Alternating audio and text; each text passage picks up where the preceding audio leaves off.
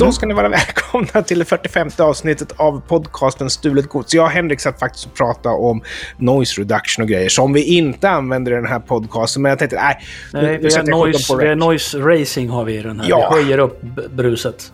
Ja, alltså, och sen så vi spelar ju musik av blandad kvalitet och Ja. eh, av blandad originalitet får jag säga. För det vi gör här är ju att vi lyssnar på en musik och tänker hmm, är inte den här stulen? Och så säger vi jo, den är stulen. Och vi har också börjat blanda in covers, vilket vi ska gräva lite grann i idag. Och eh, vi nämnde ju våran vän Johan Lantz i förra avsnittet. Han har skickat in lite material. Han, eh, det var ju han som hade den här lilla roliga vinkeln med ABBA. Mm. Men han hade ju skickat in lite material av betydligt tyngre karaktär får man säga, så nu måste vi bli allvarliga här. Jaha, okej, men det är jag inte alls van vid. Så det vet jag inte. vi ska börja med att lyssna på en ny låt från 2021 med en grupp som jag inte kände till sedan tidigare som heter Black Book i ett ord. Vet inte så mycket om dem, finns inte nej. jättemycket information, men eh, det här är deras nya singel Nobody Home. Den låter så här.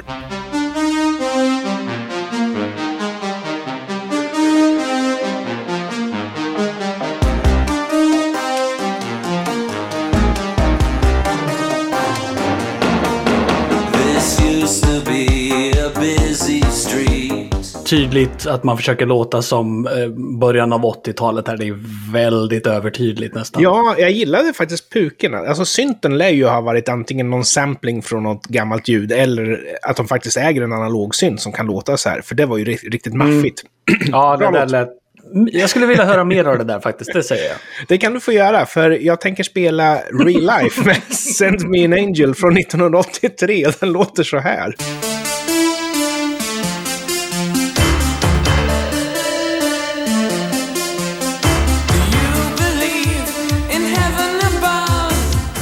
Jag känner ju till uh, Real Life med Send Me An Angel. Ja. Eh, men jag, jag kanske inte kunde den riktigt sådär tydligt så att jag reagerade på Black Book. Nej. Förrän jag fick höra dem bredvid varandra. Notera att Send Me An Angel går en halvt tonsteg över. Mm. Eh, det var mycket coolare ljud på smällarna. Det är så ännu coolare ljud. Jag gillade Mm. smällarna i den första. Och dessutom så har de ändrat på några noter. Det är klart att Black Book vill låta som real life. Det är väl självklart. Ja, ja, givetvis. Alltså, Ja. Det, nu snackar vi inte bara melodin, vi snackar hela soundet. Ja, precis. Så att eh, det, Så de det finns ju ingen tvekan här. Nej, de har ändrat i det, men de har ju snott det liksom. Mm. Och förmodligen så var det väl av juridiska skäl som man valde att byta ut en ton lite här Du, jag tror inte det där skulle hålla i rätten. jag tror faktiskt inte det. Du tror inte det? Nej, jag tror inte det. Men samtidigt så tänker jag också så här att Real Life, de hade väl den här låten, sen hade de någon mer låt. Ja. Och vad jag tror faktiskt, de faktiskt håller på fortfarande. Jag Ja, ja, vill ja. våga nästan säga att de släppte någonting för inte så länge sedan. Ja. Jag kan ha helt fel och blanda ihop det med någonting annat. Nu googlar vi på Bing Alta Vista här. Ja, vi kommer ju alltid förberedda. Ja, ja, ja. Jag har förberett lite grann för den här podden ska jag säga, ifall att ni inte tror mig. Ja, du gör ju det, men jag gör Ja. ju inte det. Australiensare. Um, Send Me An Angel 83, Catch Me I'm Falling. Ja, 2020, nytt album, Sirens. Du ser! Ja, men Mm. vad kul. Nej, men alltså, vi har ju pratat om det här med vad som skulle hålla i rätten. Och där har, har ju ganska konstiga fällningar faktiskt dykt upp. Och Mm. den mest uppenbara skulle jag säga var ju Ghostbusters kontra I want a new drug.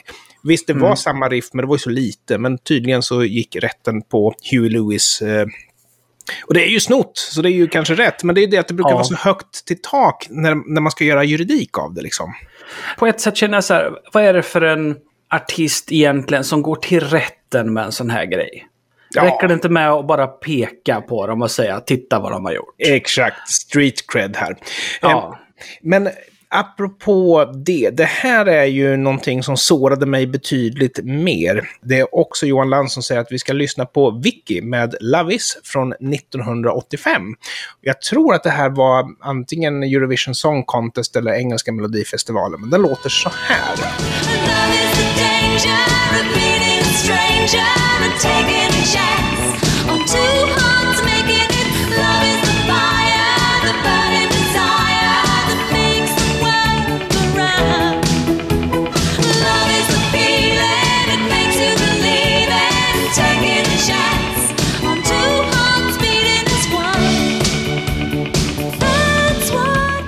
Väldigt eh, schlagerfestival.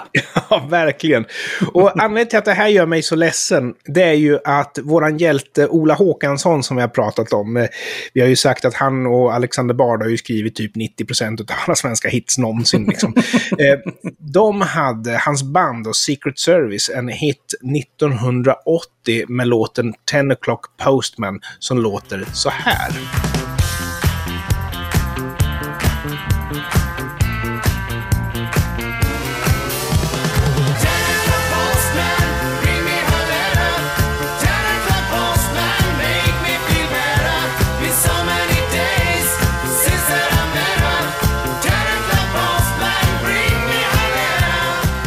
Det är så klockren disco att man inte fattar att det är svenskt. alltså, det här gjorde mig irriterad. Guilty, säger jag. Ja, gud ja. Eh, nej, nej. Det här är, ehm, det, det är alldeles för nära. Eh, Det spelar Ja. ingen roll att du har tweakat det till att bli liksom schlagerfestival. Ehm, Nej, och det, och det ligger ju nära i tid och det ligger nära rent musikaliskt. Till och med soundet. Alltså, alltså, och tonerna ska vi inte tala om. Visst, inte 100%. vi- vet vi vilket land som Vicky kommer ifrån? Ja, England tror jag att det var. England, okej. Mm. Hade det varit en tysk, då hade man väl sett liksom kopplingen så här. För svensk musik i Tyskland är ju, Ja. är ju jättestort. Secret Service i England 1980, Förmodligen så, 1985. de letade efter någonting som var obskyrt antagligen, om det var så att de ville bli inspirerade. Lite gärna så som jag insinuerade att jag misstänker att Phil Collins gjorde i förra avsnittet. Och jag Mm. tror att det är det som har hänt här, att de har snott. Ja, men det är kaxigt att göra det. Alltså för, för det första, så här, Eurovision eh, går ju Ja. över hela Europa. Det betyder att den här låten spelas, eller ja, om det nu var ett vinnande bidrag i det Mm. landet, spelas i Sverige. I Sverige var 10 o'clock Postman, en, Ja. var det väl en listetta till och med? Ja, det var Kanske. en stor hit i alla fall. Alla visste Ja. ju vad det var för någonting. Och Ja, jag tror ja, säkert att det snackades på den tiden. Och, men det kan ju också vara lite så här att man tänker inte att man ska vinna. Och även om Mm. man tänker det så glömmer man bort att eh, även om eh, Melodifestivalen och Eurovision Song Contest är en smal sak i England, så är det en gigantisk sak i många andra europeiska länder, som till exempel Sverige. Mm. Uttagningen till Eurovision Song Contest i Sverige är ju arenashow. Liksom. I England så är det tre låtar en söndag eftermiddag så får folk ringa in och rösta. Liksom. det, Vilket förklarar varför de nästan aldrig vinner. ja, de har slutat försöka liksom. Ja, ja. Eh, ja, nej, det här, är, det här är, hör ju ihop med det här som vi säger att vad fan tänkte de egentligen? Vad trodde de att de skulle komma undan med? För det här eh, eh, det är ju jättetydligt och jag tror att redan då 1985 så var det säkerligen folk som, som eh, höjde på ögonbrynet och sa det här har jag nog hört förut. Mm, jag, jag- är övertygad om det. Och jag tror ju också att Secret Service säkert hade ambitioner utanför Sverige, men svensk musik har aldrig varit riktigt populär utanför landets gränser. Möjligtvis liksom de här undantagen med Roxette, Ace of Base och ABBA, men bortser man från de som är riktigt stora så är det ju svenskar som lyssnar på svensk musik generellt sett. Ja, svenskar har ju också historiskt sett ofta haft åtminstone en begränsad möjlighet att marknadsföra sig i Tyskland. Så Ja. har det ju också varit. Och jag tänker att är det dessutom då så klockrent bra disco som det där var 1980, klart du fick åka till Tyskland. Det är jag helt säker på. Ja. Eh, Och funkar inte där så funkar det i Japan liksom. Ja. Och, Ja. och Secret Service, alltså det är ju ett intressant band i sig. Alltså Mm. Jag vet inte mycket om dem.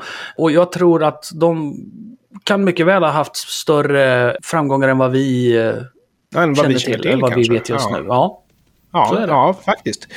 Någonting som jag vill spela mest för att det är trevligt, det är Richard Anthony Houston Band från 1981. Låten heter Ride och låter så här.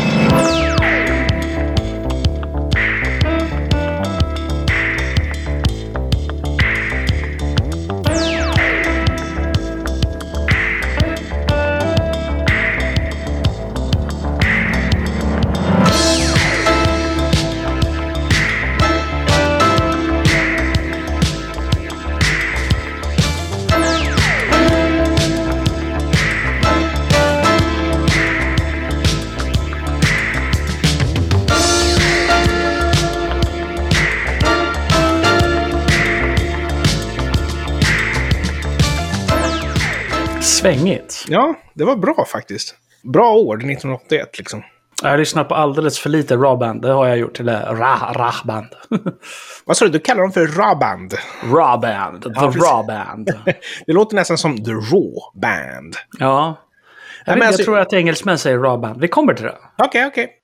Jag spelar den här mest för att Peter Johansson sa att låter inte den här lite grann som Caribbean Queen av Billy Ocean? Och Jag sa, Nej, det gör det inte. Men alltså, visst, sound lite grann och sådär. Men jag kan ju inte hålla tillbaka en sån här bra låt, så ni får liksom döma själva. Jag spelar det här för att jag tyckte låten är bra. Jag, jag, vill ju, jag vill ju passa på att prata om, om eh, RAH-band eller Mm. Raw-band eller hur man nu vill uttala det. Eh, för det är ju inget band. Nej, det är ju Richard Anthony Houston. Ja, det är en person Ja. som skriver och spelar allting. Och så tog han in sin fru ibland och sjunga också. Ja. The Crunch. En Mm. otroligt bra låt, instrumentallåt. Sen gjorde han ju Across the Moon, där hans fru sjunger. Fantastiskt bra låt. Eh, jag har lyssnat på alldeles för lite av den här mannens output. speciellt med tanke på hur eh, extremt skicklig han är.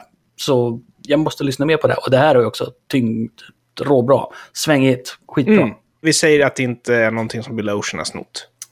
Ja. jag, jag vet du att jag s- får inte upp Caribbean Queen i huvudet nu. Så jag tänker att vi skippar det. Vi går vidare bara.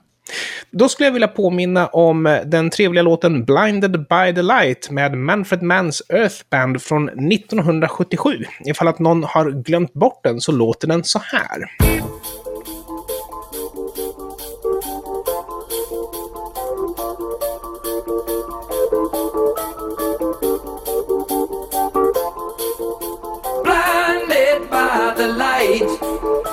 Wrapped up like a douche, another runner in the night. Blinded by the light, wrapped up like a douche, another runner in the night. Blinded by the Stor hit.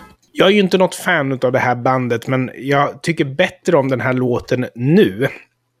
Eftersom, som du vet kanske, jag visste inte det, så är det här en cover av Bruce Springsteen. Han släppte den 1972, känner du igen det? Nej, det är inte någonting jag känner till alls. Uh, Manfred Manns Earth Band eh, är ett band som jag inte vet så mycket om annars, förutom den här låten. De hade en låt som heter Pretty Flamingo som jag tycker är lite rolig sådär. Men, Ja, att det de skulle, är pretty much one hit wonder liksom. Ja, men att det här skulle ha varit en Bruce Springsteen-låt? Nope, ingen Nej, aning. Det påminner mig om att jag är inte speciellt förtjust i någonting av det Bruce Springsteen gör, om man ska vara Eh, ärlig. samma. Och jag tror att det här faller väl in i den vanliga kategorin. Det var inte jättebra. Men 1972, originalet med Bruce Springsteen låter så här.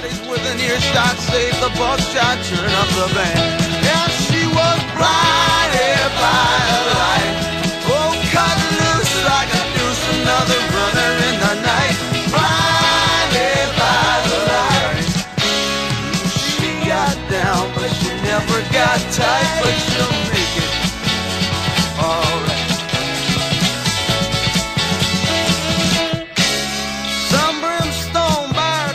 Alltså, nej men här. Det där är en typisk Ja. Bruce Springsteen. eh, Det, det, mycket Bruce Springsteen har gjort är rörigt, slamrigt, Ja. dåligt inspelat. Bara... Konstiga psykoper, han kommer in i förtid och dessutom så tycker jag att han har en tendens att vråla väldigt mycket. Speciellt live tyckte jag att han vrålar väldigt mycket. Nej, jag, jag gillar inte Bruce Springsteen, men uppenbarligen så kan han ju skriva låtar och uppenbarligen har han ju en fanbase som fullkomligt älskar honom. Ja, men det, det är ju samma med honom som med Rolling Stones och det där som vi har sagt förr. Att han behöver ju bara åka på turné sen så fyller han ju ut alla arenorna. Oavsett om han har en ny skiva eller inte. För att det är ju ingen som köper hans nya skivor. När hade han en hit sist?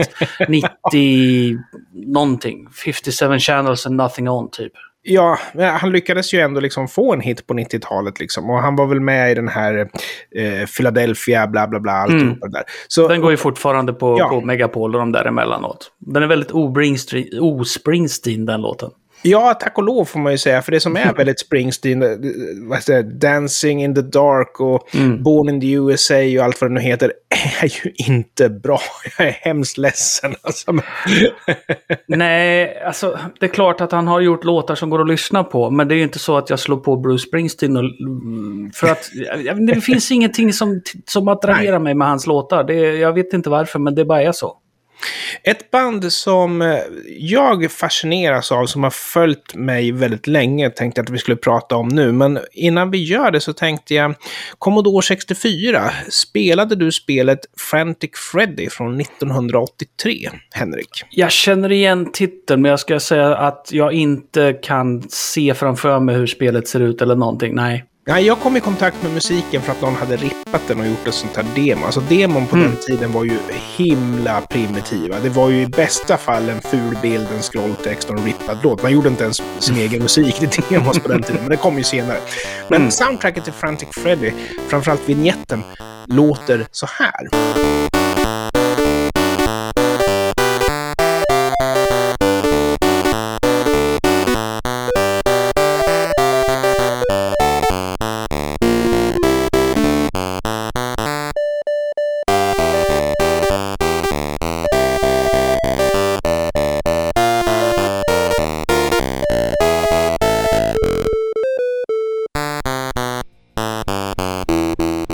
Du känner igen det hoppas jag. Absolut. Det, ju- det hörs ju snabbt vad det, vad det är för låt de har eh, återskapat här.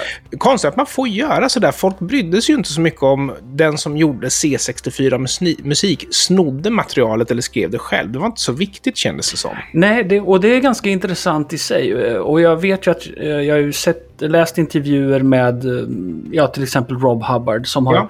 sagt det att då var det väl så att den som var liksom eh, ledaren för ett projekt och tillverka ett spel som anlitade honom för att göra musik kanske sa till honom att "Ja, men jag vill att du gör eh, Jean-Michel Jarres Zuluk. Ja, ja, så de kanske till och med fick liksom uppdrag att göra en cover olovandes för skivbolaget. Därför att man Ja. betraktar väl inte C64 som riktig musik på den tiden. Idag tar man det ju väldigt allvarligt liksom. Ja, visst. Och jag vet inte hur det har, liksom ifall det har, om vi säger att man vill återutge gammal Commodore 64-musik, att man då på något sätt har varit tvungen att skaffa sig licensen för originalet. Det beror lite på Ja. hur mycket- man bryr sig om, om sådana saker. Jag har ju pratat med eh, Chris Abbott som gör jättemycket sådana remixskivor och sådana grejer. Och eh, jag vet ju att han är åtminstone väldigt mån om att se till att den som har komponerat Commodore 64-musiken Ja. till remixar ska bli krediterad och ersatt. Uh, huruvida man går så långt så att Ja, det är ju väldigt sällan någon gör en remix av en Commodore 64-låt som är en cover på någonting i och för sig. Nej, man väljer ju gärna att göra de som är originalverk. Och då vill man ju naturligtvis hedra den som gjorde originalet. Men det är ju inte så att man ber om lov, för själva snodde de ju hej vilt. Och vi kan ju bara, innan vi pratar vidare om det här, avhandla Crazy Little Thing Called Love med Queen från 1980. Den här är väl inspelad ett eller två år senare live. Den låter så här.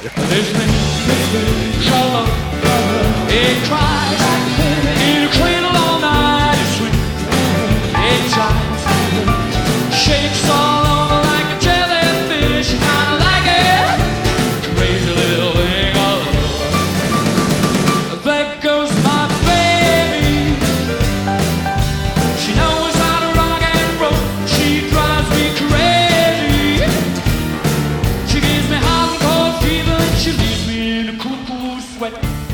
Anledningen till att jag spelar den här live, det var för att vi har ju pratat om Queen och Mott the Hoople. Och mycket riktigt så turnerade ju de tillsammans. Och det som är roligt här, det är ju att det är Morgan Fisher på piano. Freddie Mercury, han spelar ju ogärna piano. Han, han körde ju liksom sina gigantiska låtar, liksom We Are The Champions, Bohemian Rhapsody spelar han piano på. Men han, han spelar inte så gärna piano annars. Och, Han, vill- han ville väl, sitta, han ville väl kunna göra den här, eh, vara lite grandios mer. Så bara Ja. sitta och, och finlira lite piano till en låt var väl kanske inte hans grej på scen. Nej, nej, jag tror inte det var det. Och den här är ju speciell också därför att den här låtens gitarrspel, för det första så spelar ju Freddie Mercury gitarr på den här live och eh, faktum är att det här är ju den enda låten som Freddie Mercury faktiskt spelar gitarr på skivan också. För han var ju egentligen ingen vidare bra gitarrist, men han visste väl om att Brian May skulle aldrig låta honom spela gitarr, så de passade på att spela in gitarren medan Brian May, gitarristen i Queen, var på semester. Och det andra som gör den här låten speciell med Queen, det är att det här är den enda Queen-låten där solot, som då spelas av Brian May, inte är inspelat med Red Special utan en eh, Fender Telecaster. Av någon anledning så tyckte han att det skulle låta liksom bättre rock'n'roll att använda en Fender-gitarr här, vilket han gjorde. Men det ångrar han sig ju eftersom nu har han en låt där han inte har spelat Red Special, utan han spelar en svart Fender istället. Så då måste han med sig en extra gitarr varje gång de ska iväg och spela Ja, live. Han har ju alltid en extra Red Special, en kopia.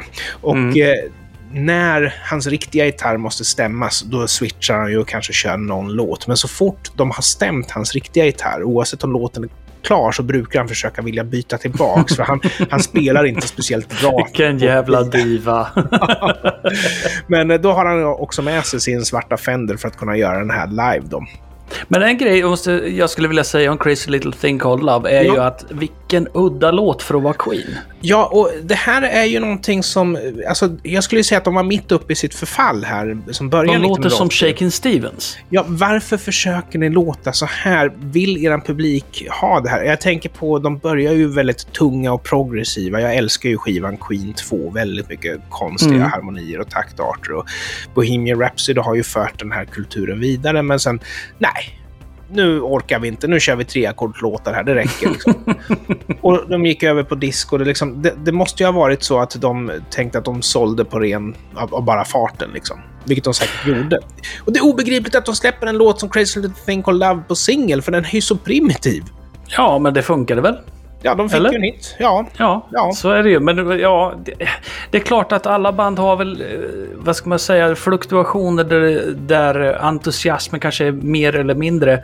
Och skivbolaget säger ni måste ge ut en skiva och sen så kanske man gör en sån här låt nästan, Ja. nästan på skämt. ja, och jag tror också att det gick till så här att den här skrevs nog faktiskt i en bubbelpool på fem minuter av Freddie Mercury. Så jag tror att, och, och sen så lägger de ut det. Och samma skiva, The Game heter skivan, har ju också en låt som heter Dragon Attack, som i mina öron låter i bästa fall som en demo.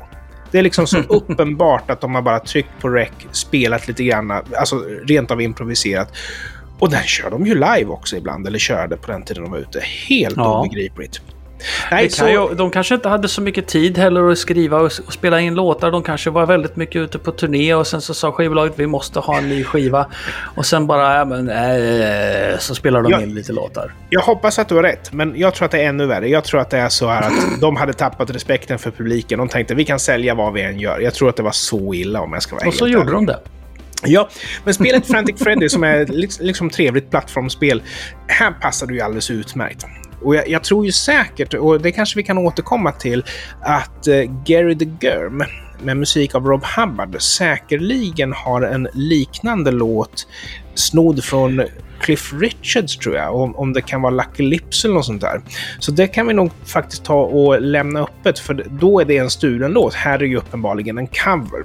Och bra val av cover, men originalet är ingenting att ha. När det gäller Rob Hubbard och Lucky Lips så får vi ta och återkomma om det. Jag slår upp Jerry the Germ när vi ändå pratar om det. Mm. Det står ingenting i den här Commodore 64 informationsfilen ifall det skulle ha varit någon form av covers. Så då är det Ehm, snott. Om det nu är tillräckligt likt för att klassas som snott. Vi måste ju titta närmare på det, för det här kan ju vara en, eh, en riktig eh, bomb, ett bombnedslag i, i Commodore 64-världen om vi kan identifiera ett, en stöld bland Rob Hubbards musik. Men då vet ni vilken podcast som ni ska lyssna på även nästa vecka. Nämligen Stulet Gods med Anders Hesselbom och Henrik Andersson. Vi sa inte våra namn i början, så jag gjorde det nu. Och dessutom så finns vi på YouTube också. Stämmer, vi har en eh, liten grej på YouTube som vi kallar för Flimmer Duo där vi sitter och pratar om eh, riktigt bra film och som kan vara riktigt dålig film eh, beroende på vad vi har valt att se på den veckan. Men det är bra filmer, det är filmer ni har glömt, eh, filmer som ni kommer ihåg eh, att ni har glömt eller glömt att ni har kommit ihåg, så, så brukar jag säga.